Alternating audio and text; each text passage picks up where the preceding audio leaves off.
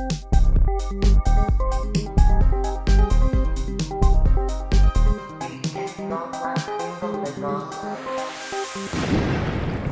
og velkommen til Hvilken dag er din dommedag? med meg, Hege Skarud fra Attack Norge, og Mig, Jonas Algers från Manifest Tankesmedja. dette her er en podkast om kapitalismen i det antropocen. Eh, det eh, går jo ikke så veldig bra der, men åssen går det med deg, Jonas? Jo, jo det, går, eh, det går fint. Jag är, i, jag är i Sverige, så därför har vi eh, sån Zoom-upptak den här veckan igen. Eh, jag fick göra lite ett inryck för min, min syster har fått ett, ett jobb och det är bra. Men hon har också en tvååring som inte har börjat på, på dagis ännu. Så då fick jag rycka ut. Så jag jobbar som 200 procent, både passa barn och, och förbereder. Du faderen, what a true hero du er, Ja. Jonas. Ja, jag tänkte jag skulle säga det här så att folk eh, får höra vilken hjälte jag är. Keeper Ja. land og strand for familie. Ja, du då Hege, hur är det med dig? Det går bra. Jeg er ikke så helt, jeg er litt helt. Jeg passer hunden til lillebroren min fordi han har fått korona. Ja, men fan, det är också viktigt. Det är fint. Det, det er mest hyggelig da når man sitter på hjemmekontor og har en som har lyst til å gi deg litt kos eh, på, på lunsjpausene. Det er veldig Ja, nice. Digg. Det vi eh, har förstått eh, av noen av tilbakemeldingene vi har fått på podkasten, er at det trenger litt sånn eh, konseptualisering av hvorfor i all verden heter denne her podkasten 'Hvilken dag er din dommedag?' Eh, og en av de grunnene er at vi gjør noe som noen psykologer ville sagt at vi ikke burde gjøre. Det er at vi bedriver eh, dommedagsprofetier på denne podkasten. Og dagens dommedag for oss eh, er nå en ny studie som eh, viser at vinter-OL det er nå i fare pga. klimaendringene.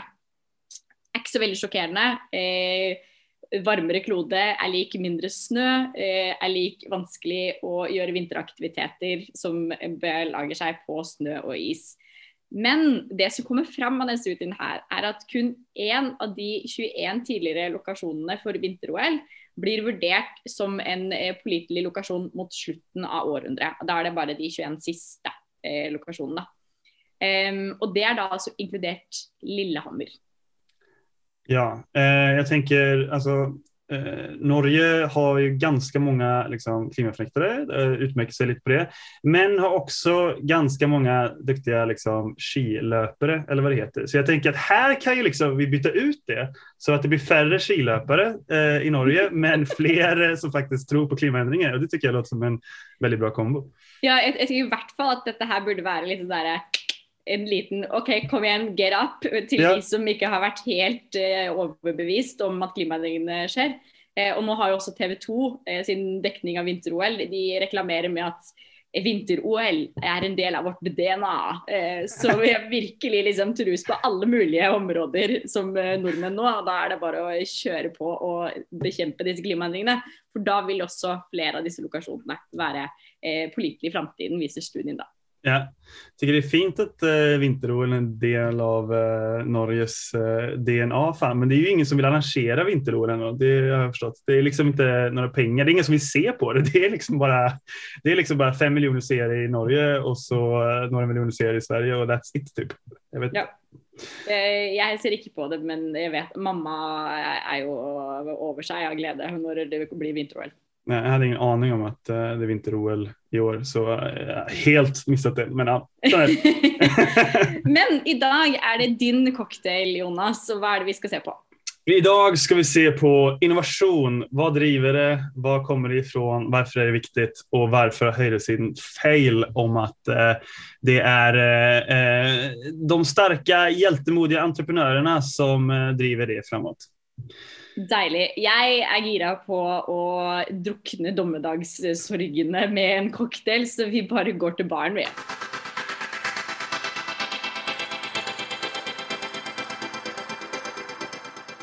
I eh, denna podcasten, eh, ni som är flitiga lyttare, så kanske har förstått att Elon Musk-hat är ett eh, återkommande element. Vi brukar, framförallt Hege, brukar snacka om Elon Musk. Eh, det finns ingen som, som vi älskar att hata mer än han tror jag. Ehm, och ja, dagens cocktail är bryggd på Elon Musk. Grön innovation som det kallas.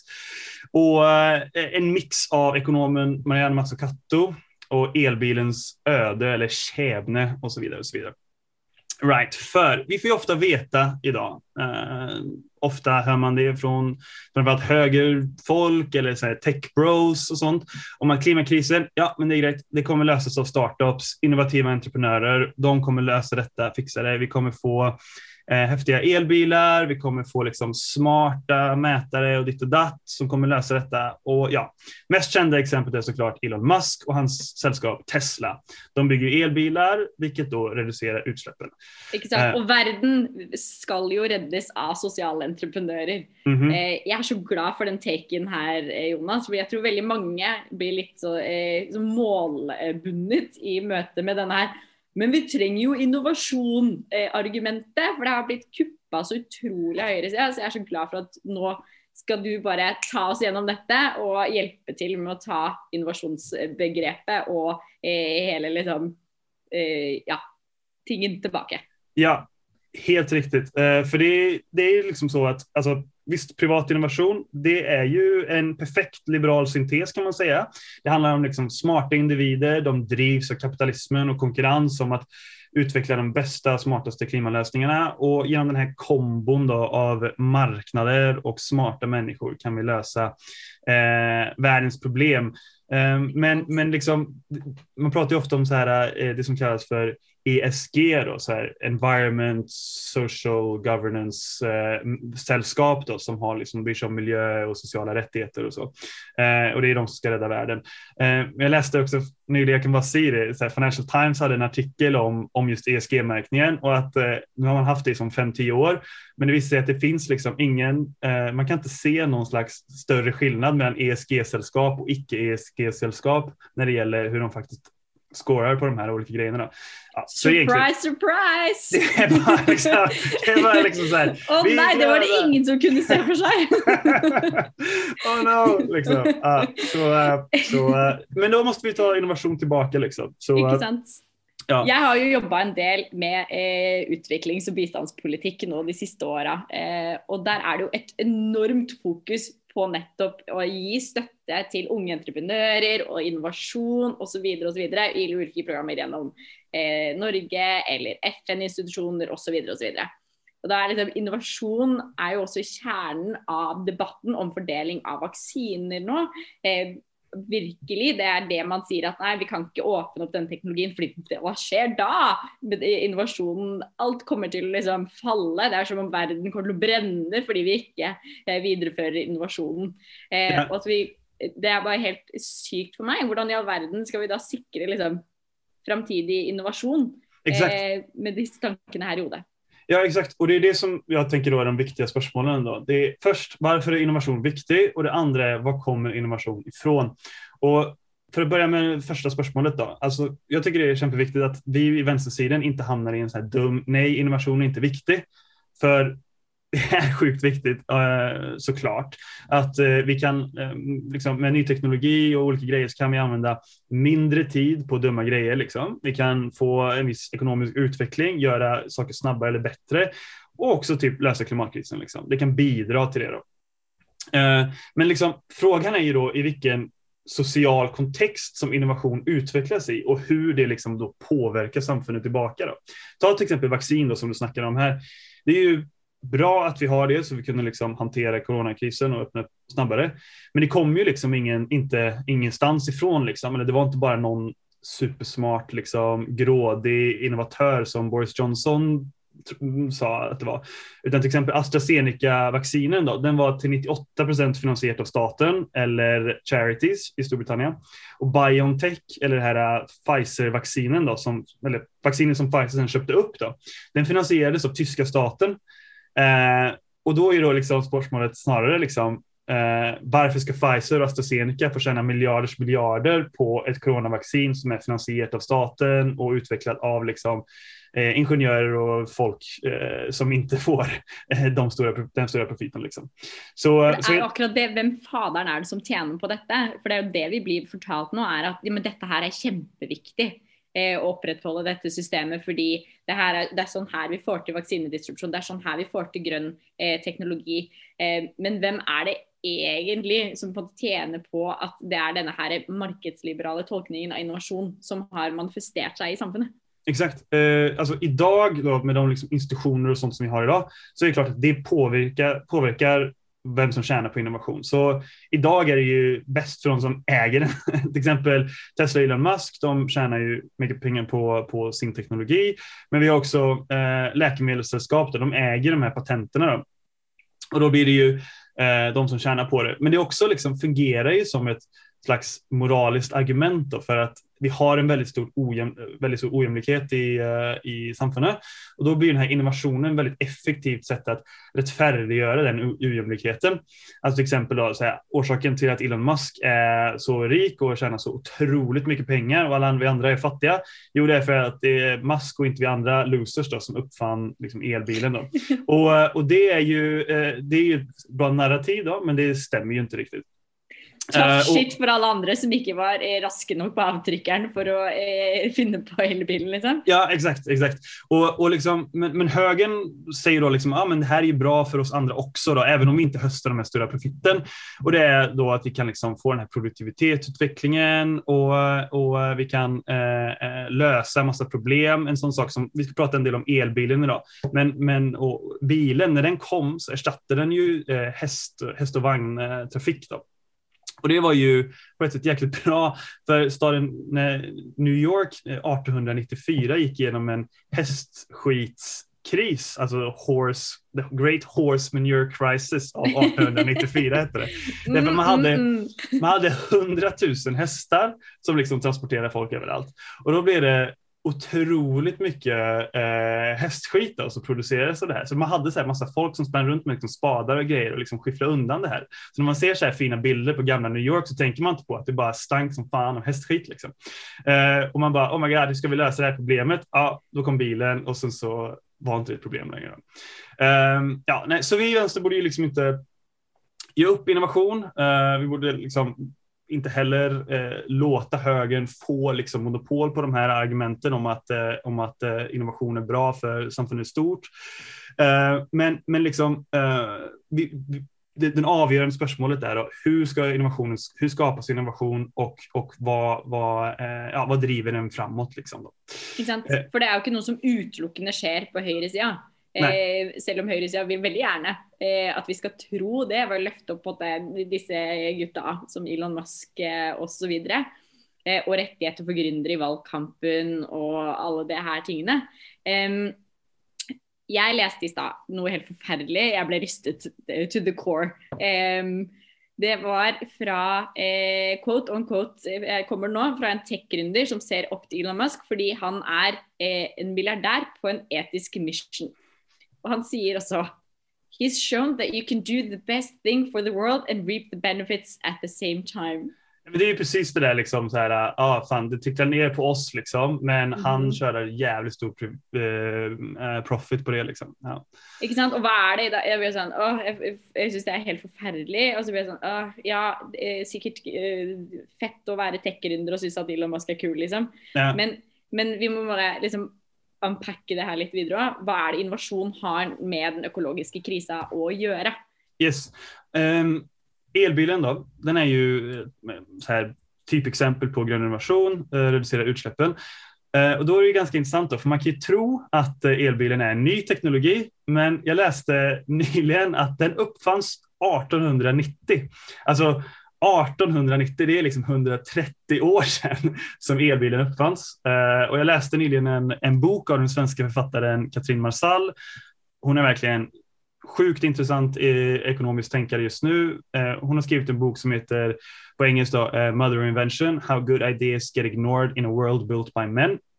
Och den handlar just om hur så här, Eh, ekonomin formas av innovation som i sin tur formas av patriarkatet. Då. Eh, och där skriver hon om just elbilens eh, kävne, då, öde som man säger på svenska. Eh, och, och hon pekar då på i slutet på 1800-talet, då uppfanns flera versioner av bilen, både bensindrivna och eldrivna. Och de bensindrivna de gick lite fortare och de hade längre range. Men de eldrivna var mer effektiva energimässigt och de var tysta också. Eh, bensinbilen behövde tankas men elbilen behövde laddas. Eh, men varken bensinstationer eller, eller någonting annat var ju utbyggt då. Så då snackade man om, man hade faktiskt planer på att ha ett om man skulle ha ett sånt elbils, eh, om elbilen skulle bli stor då, så kunde man ha vad ska man säga, olika stationer där du kunde köra in med din elbil, droppa av det gamla batteriet, hämta ett nytt och så köra vidare. Alltså lite som de här, jag vet inte om ni har sett sådana här delbilar som finns i, eh, i Oslo till exempel. Alltså man kan gå mm. dit med en app och typ låsa upp en bil och så. Och det snackar man om 1890-talet. Det, det, er også det samme som vi hadde da jeg jobba i bar. Så hadde vi ja. sånne powerbanks i baren hvor du kunne gå eh, og låne en powerbank sånn at du kunne lade telefonen din, sånn at du kunne sende fyllemeldinger til folk som du egentlig ikke burde sende fyllemeldinger til, og ja. angre bittert på det dagen etterpå. ja, exakt. exakt. Det, är precis, det är precis som det liksom. Ja. Uh, uh, men vad som skedde då med, med elbilen, det var ju att uh, kvinnor började i eh, större utsträckning använda elbilen och män använde då den här bensinbilen. Därför att kvinnor eh, som skulle liksom, eh, inte röra på sig så mycket då, det var ju den, den tiden, de kunde bara trycka på en knapp och så sattes elbilen igång och sen så åkte den iväg så elegant utan att låta särskilt mycket eller liksom vara skakig. Medan riktiga män då, de måste ju såklart använda en motorvev, det vet ju alla. så att man ska liksom, ni vet, om ni har sett typ Aristocats så liksom har de en, en vev som de sätter in i bilen och sen så snurrar de runt för att få igång motorn. Eh, och det är ju det är ett sätt att visa sin manlighet. Då. Så, så... Det ska muskler och det ska bråka. Och det ja, ska exakt. Liksom... och det råkade som fan de här gamla skitbilarna. Då. Så, så vad, som, vad som skedde var att alla riktiga män, de körde bensinbil. Eh, och då blir ju elbilen en riktig kvinnoprodukt och det går ju inte. Så, de här, så det blir mer lönsamt då att bygga, ut, eh, bygga bensinbilar för de här sällskapen. Eh, för det var män som hade pengar och det var män som körde bil, så that's the way it goes. Liksom. Och sen utvecklades ju då den teknologin så det blev liksom billigare och billigare och bättre och bättre och, och kunde masskonsumeras. Man kunde börja pendla med bilen och bo ute i en förort och liksom pen, köra in till arbetet. Så, så liksom, eh, det här det privata ägandet av en bil, att kunna bo ute i en förort och pendla in har ju formats otroligt mycket liksom av vårt samhälle sedan, sedan dess. Då. Och framför allt lett till väldigt stora utsläpp. Mm. Uh, uh, så då kan man ju fråga sig, okej, okay, vad hade skett om vi hade haft en annan social uh, kontext, en annan liksom, struktur på samfundet som, som inte var patriarkal då, så att vi faktiskt kunde tycka det var acceptabelt att ha en tyst bil, liksom, en bil. Det var där det, var där det stod hela liksom, kvinnekamp är klimakamp stod i 1890. Eh, hade vi vältat patriarkatet då så hade vi inte haft eh, de stora liksom, klimatspörsmål vi har nu. Ja, exakt. Alltså, jag menar, det, det, det är säkert åtminstone en stor del av liksom, koldioxid, en större eh, koldioxidbudget om vi inte hade haft liksom, bensinbaserad transport eller i alla fall inte persontransport. Jag gjorde lite research för den här eh, episoden, eh, eller upptaket, och eh, transportsektorn står ju idag för en femtedel, alltså 20 procent av alla utsläpp i världen. Och vägtransport då står för 75 procent av av det. Så det blir då 15 procent av totala utsläpp. Alltså vägtransport står för 15 procent av totala utsläpp. Eh, och, och jag menar, det är ju liksom en produkt då, av den här socialt formade innovationen kring eh, förra sekelskiftet. Då. Uh, och där, det är det som man kallar för innovation, då. man kallar det för rättningsgivande. Alltså, uh, hur ska jag förklara detta? Alltså, du, det kommer en ny teknologi och då betyder det att det kan påverka massa andra saker i samfundet och liksom bygger in den här teknologin i samfundet på många olika sätt. Då. Exempel, som att folk inte måste driva och spa hästeböck längre. Som att de får sig andra jobb. Precis. Så och så måste man ny, där måste man laga nya näringar. Ja, exakt. Och så fick man ha, staten fick ju då bygga massa så här, gas stations runt om i USA och i, i världen för att kunna göra detta. Och då kommer det massa pengar in där och då blir det billigare och sen så får du liksom eh, forstäder där det bor folk och kör in och alltihopa. Um, så därför kan ju liksom den här innovationen då sätta en, en rättning på samfundets utveckling. Uh, och därför blir det ju då viktigt, liksom, tillbaka till uh, klima, klimatkrisen, då, för att det kan också sätta en, en rättning där liksom utsläpp och eh, klimatgaser och sånt får en, blir mindre och mindre och mindre. Då. Uh, så det, det, det, det är viktigt. Men innovation formas ju då också av sociala relationer. Då. Det formas av kön och makt och det formas också, eller kanske främst då, av profit. Eh, vad är mest lönsamt? Vem har störst, eh, mest pengar att investera? Kapitalackumulation och så vidare. Och här då, för att vara lite sån eh, supernördig, så, så eh, jag tycker det är kul med gammal eh, ekonomisk eh, teori och då finns det en gammal österrikisk ekonom som var väldigt konservativ som hette Schumpeter. Det var ett, bara kun spørsmål om tid før denne her podkasten tok opp Schumpeter. ja, jag gillar Schumpeter. Han Idag är dagen.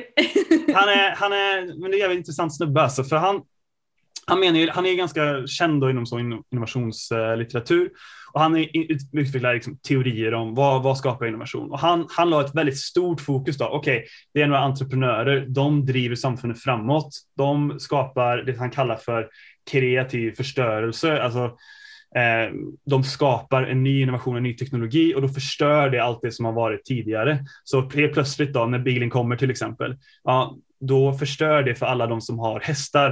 Eh, för plötsligt blir det inte lönsamt att driva med häst, eh, häst och vagn längre. Liksom. Eh, så det här driver ju liksom då samfundet framåt eh, och, och skapar en ny rättning då för, för samfundet. Då. Så det Schumpeter egentligen säger är att vi trenger liksom Elon Muskerne här i världen för att eh, få en fossilfri eh, ekonomi. Ja, det är det Schumpeter säger då. Men vi ska inte bara läsa Schumpeter. Utan Gott, tack. Ja. det finns en annan eh, ekonom som är ännu fetare som, skrev, som heter eh, Sweezy. Han var en eh, marxistisk ekonom eh, som, som också diggar Sweezy, hade liksom respekt. Men han menar så att du har missat en grej. Hallå, det är inte så att innovation skapar profit, utan profit skapar innovation. Eh, all innovation handlar om liksom att du måste ha pengar och överskudd till att liksom sätta in i den här eh, produktionen av den här grejen. Då. Och det är också den här jakten på mer och mer profit. Då. Det är den som liksom tvingar kapitalister då till att liksom, eh, in och utveckla sig själva och drivas vidare. Och så där. Ehm, så om vi använder, om vi använder liksom Sweezy för att gå tillbaka till eh, elbilsdiskussionen eller bildiskussionen så betyder det att det här, de här sällskapen som tjänar pengar på bensinbilen då, eh, eller att sälja bensin till de som har bensinbilar, ja de får ju mer pengar. De tjänar ju sjukt mycket pengar som de då kan återinvestera i att göra en ännu bättre bil eh, eller hämta ut ännu mer petroleum. Liksom.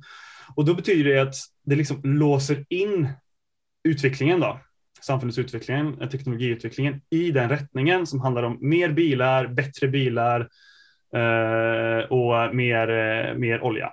Uh, ja, för det är mycket lättare då att liksom utveckla en produkt som, är, som fortsätter i samma riktning än att göra något som går i en helt, helt annan riktning. Vi kan till exempel ta, alltså om jag heter Ola Borten, Olja Borten Mo. Eh, wow, ja, det är nydligt. ja, Olja Borten Mo, det är fan eh, bra namn. Och om jag äger, om jag heter Olja Borten Mo och äger ett oljesällskap eh, så ligger det i mitt intresse då att liksom vi vill bättre producera olja eh, och alla vill fortsätta konsumera mer olja för då tjänar jag pengar. Så liksom eh, de som den kapitalist, kapitalistiska klassen då, de tjänar ju på att den eh, teknologiutvecklingen går i en riktning. Då. Och då är det sån, ja grejt, vi kan ha innovation i form av att vi ska elektrifiera oljeplattformarna. Ja, exakt. Så då blir det, det är den typen innovation vi sitter igen med. Ja, exakt. Eller, eller för fan, eh, kanske ännu, ännu andra, andra grejer. Liksom. Så här, ja, men, eh, vi har en bättre, vi får lavare utsläpp från den här bilen liksom, till exempel. Men Sätt bränner... på ett filter här liksom. Ja, eller CCS. CCS ja. är en typisk sån grej. Mm. CCS är en typisk sån grej för att då är det så här, ja, allt annat är redan på plats liksom. Uh, vi kan bara ha den här CCS innovationen och då tjänar vi mer pengar. Liksom. Ja, så um, så, eh, men då betyder det då att vi får den här inlåsningseffekten kan du se, att vi går bara i en enda riktning och då måste vi bryta ut den för att komma från liksom, den här fossilorienterade eh, innovationsutvecklingen. Då. Ja. Och då handlar det om vad är det som skapar ny innovation? Og da må vi eh, inn. vi må inn et sted her, ikke sant. Ja. Da må det jo legges noen rammer også for hva liksom, innovasjon skal være. Hvem er det den skal komme til gode for? Eh, for det er vel kanskje det at eh, hvis det bare lønner seg for noen få, de driver og liksom profittmaksimerer hele tiden, så lønner det seg ikke for alle andre. Eh, og så får man litt sånn halvveis innovasjon, som du sier nå. Men hvordan er det vi da hvordan er det vi kan styre denne innovasjonen? Ja, eh, exakt. Det finns en, eh, en av världens just nu mest inflytelserika ekonomer. Eh, hon heter Mariana Mazzucato. Eh, och hon har ju forskat då på hur viktiga innovationer egentligen har utvecklats eh, över tid. Och hennes resultat är ganska intressant för det handlar egentligen inte om så här enskilda entreprenörer som liksom varit supersmarta och funnit på någonting, utan de har många av de stora innovationerna i historien har liksom fått massivt stöd och drivits fram av det hon kallar för entreprenörsstaten. Då. Hon, tänker, hon fokuserar väldigt mycket på statens roller i innovationsutveckling. Och då, hennes exempel är iPhonen. Vilka element är det som gör iPhonen smart? Jo, det är internetuppkopplingen, GPSen och touchskärmen. Och så, surprise, surprise, alla de tre innovationerna utvecklades av amerikanska statens eh, försvarsdepartement och deras eh, myndigheter. Då. Internet till exempel var ett som experimentellt kommunikationsprojekt och GPSen handlar om att kartlägga jorden för att liksom kunna rikta missiler och shit. Eh, och touchskärmen, det var någonting annat som jag inte vet. Eh, eh men liksom alla de här innovationerna har ju formats av, av liksom, eh, entreprenörsstaten eller amerikanska liksom, krigsstaten då, som vill utveckla krigsmateriel hela tiden. Pentagon! Ja, precis. precis. Det, är liksom, det är Pentagon som har gett oss det samfundet vi, vi lever i nu. Liksom. Eh, och så för övrigt ganska deilig att höra dig säga, eh, det är något annat jag inte vet vad är. Eh. Det är så du bara säger det vet jag inte. ja, jag brukar liksom låtsas som att jag, inte, att jag vet, men egentligen inte har någon. Men, eh, men, men, ja, men liksom så, här, så det, är, det är ganska intressant när du sitter där och spelar liksom Candy Crush på din telefon så kan du liksom tacka eh, Pentagon då för att du har liksom den teknologin som gör det möjligt. Um, och Pentagon bara, oh, det var detta här, det var akkurat det vi ville. Det var det, akkurat det här vi ville med den teknologin, var att folk skulle sitta och spela Candy Crush. Erna Solberg.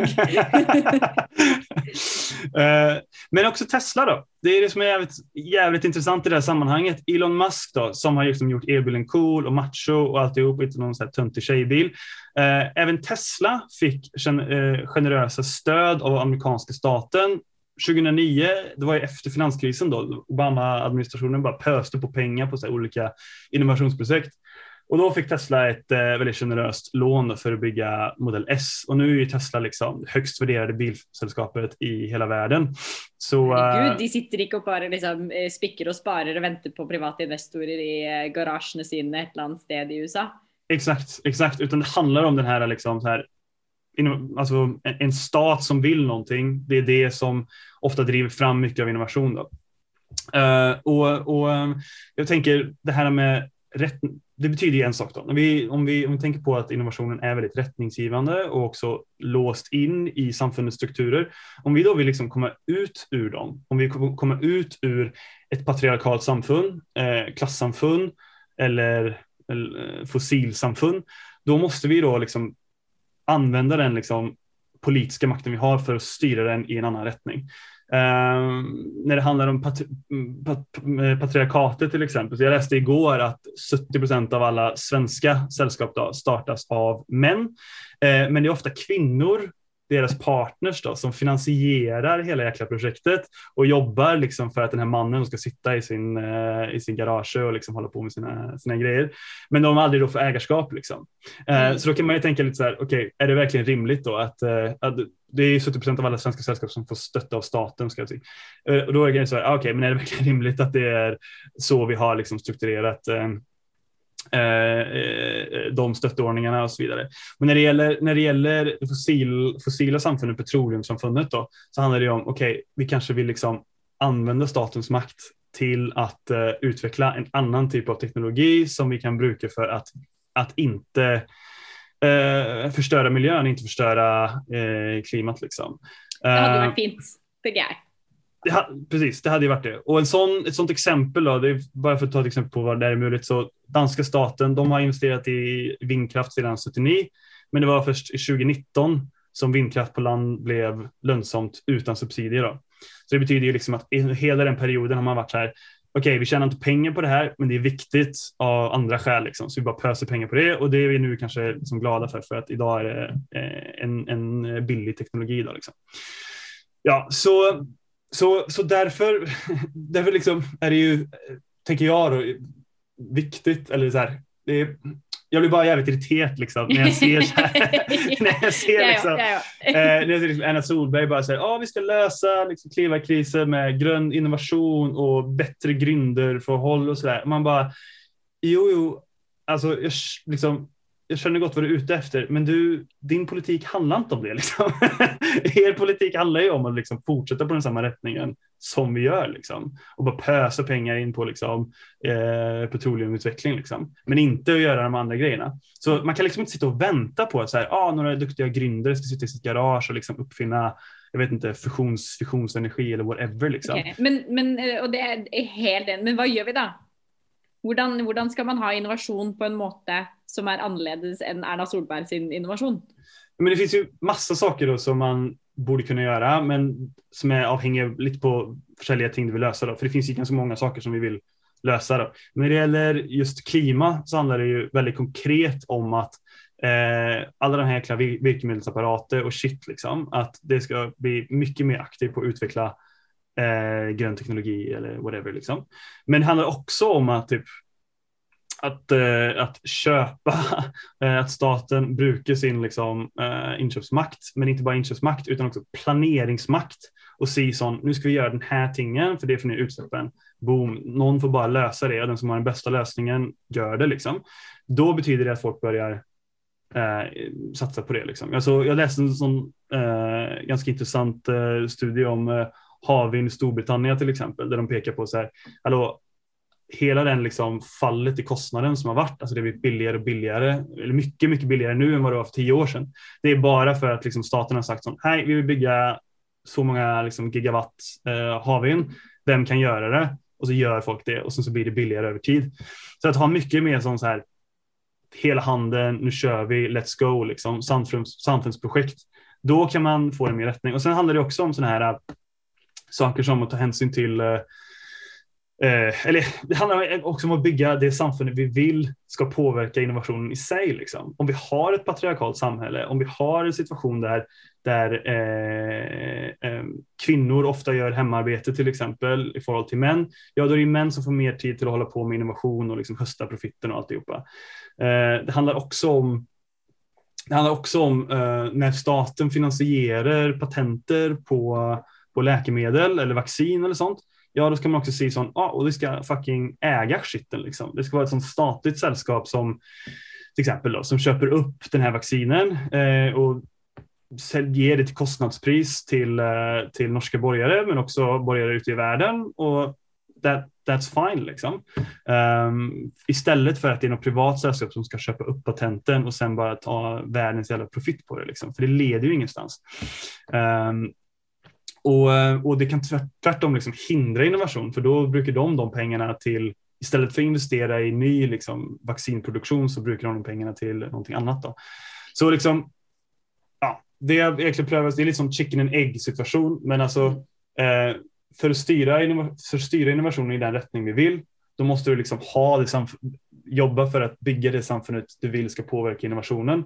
Och så måste du också ha massa sån innovationspolitik som gör att det att eh, de goderna som produceras av det inte blir bara helt privatiserat av sådana här Elon Musk-typer utan att det faktiskt kommer hela samfundet till godo. Mm. Ja. Bra. Det må bara, vi måste bara starta med det vi redan har. Vi måste klara att tänka lite, eh, lyfta blicken och tänka lite större på vad vi egentligen vill. Vad är det egentligen målen våra är här? Exakt. Och jag tror, och jag tror liksom kärnan i alltså, kärnan i det som jag prövar att säga är att innovation det är inte en individuell process utan det är en kollektiv process. Det är någonting som sker med massa försäljliga aktörer, sådana som in, ingenjörer, men också folk som eh, är liksom, jobbar på de här olika administrationerna och grejer. Men det handlar också om staten, det handlar om liksom alla möjliga olika typer. Och därför är det ju så jäkla dumt att vi bara pekar på Elon Musk och Jeff Bezos och alla de här och bara oh my god, save us liksom. Mm. När det är eh, de som bara höstar profiten av alla andras arbete liksom. Typiskt eh, ägarrelation i kapitalismen. Jag tror så... vi bara, vi, eh, vi ruller den in här. Ja, låt oss göra det. Låt oss göra Det det. er ikke Elon Musk som redder verden, det er eh, vi som er kollektiv som redder verden. Ja, exakt. Eh, det, det, klimatkrisen kommer inte lösas av några enskilda liksom, tech bros, utan det gör vi tillsammans. Nice. Bra. Da går vi på nachspiel, rett inn i ekkokammeret. yes. Så Jonas, vad har du med dig in i ekkokammeret i dag? Det glömde jag nämna på starten, så detta här är en eh, total överraskelse och forundringspakke för min del också. eh, jag har med mig in i ekokammaren eh, en dude som jobbar på Norfund som heter Per och han eh, tweetade häromdagen detta. Och undgå för stor hashtag ulikhet är viktig.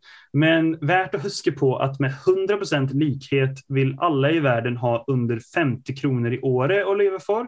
50 000, var det ikke det? Ja, förlåt, sorry. 50 000 kronor i år att leva för. Eh, I ett Madagaskar med 100% likhet vill vi alla ha, tre- vill alla ha 13 kronor om dagen. Och så avslutar han med, med växt är mycket viktigare för att bekämpa fattigdom. Hashtag Norad-konferensen. Och jag han fick så jäkla mycket shit för detta på, på Twitter. Jeg Eh, så den, også, og det er jo berettiget shit han får. Ja, ja, det är mycket berättigat shit. Alltså, eh, jag förstår att han eh, någonstans, var han ute efter liksom så här att okej, eh, världen är egentligen det han säger är världen är inte rik, världen är fattig. För hade vi alla delt på fattigdomen, då hade vi alla haft upp, uppdagat vad fattiga vi är. Så vi måste bli rikare liksom. Och det, där finns det kanske, nu försöker jag göra en riktigt välvillig tolkning av vad det är han behöver säga liksom. Och där är det förstås viktigt. liksom. Men jag blir också så här, alltså hur naiv får man vara liksom? Det är ju eh, på grund av olikhet på grund av historisk kolonialism, på grund av existerande reell kolonialism, eh, på grund av rikingar i väst som vill köpa, eller i öst för den delen, som vill köpa eh, dyra träslag som folk i Madagaskar är fattiga som de håller på att avverka skogen för att, eh, och förstör den lokala miljön eh, för att eh, sälja den här, det här träet. Så liksom, ja, jag tyckte det bara var så jäkla eh, dumt. Så var det vel det at han òg tok utgangspunkt i tall som kun går på inntekt, og ikke formue. Og Ja. Det jo bare sånn Det er, det er jo helt sykt. Det er jo, det er jo en kjempestor del av hele ulikhetsdebatten er jo nettopp formue og eh, eierskap andre steder. Ja, absolut. Så eh, ja, jag vet inte, jag tyckte bara det var så här eh, lite depressing liksom. Man bara okej, tjena. Men det var fint att eh, han fick lite motbörd då. Så, eh, så det var bra. ja, det var godt. Eh, Ja. Per, du får, eh, her får du litt mer motbør. Vær så god. Ja, varsågod. Hege, Jeg- vad, vad har du med dig? Jeg har tatt med eh, Jeg også fant noe på Twitter. Jeg begynner å komme meg gradvis tilbake igjen på Twitter etter å ha mista alle meningene mine i jula, så nå, nå ruller jeg tilbake igjen. Her er det altså et bilde av bl.a. Lina Dunham og Mark Zuckerberg, Elon Musk og flere sånn tech- og kulturfolk som har eh, kommet til overflaten igjen eh, på Twitter. Og det her bildet er gull. Det er fra 2016 eh, og eh, det bladet eh, Vanity Fair som har da publisert det. Det er tatt i forbindelse med en sånn der, eh, redaksjonell sak. Å, se på disse her i tech og kultur i USA og alt de har til felles. Se så fine de er.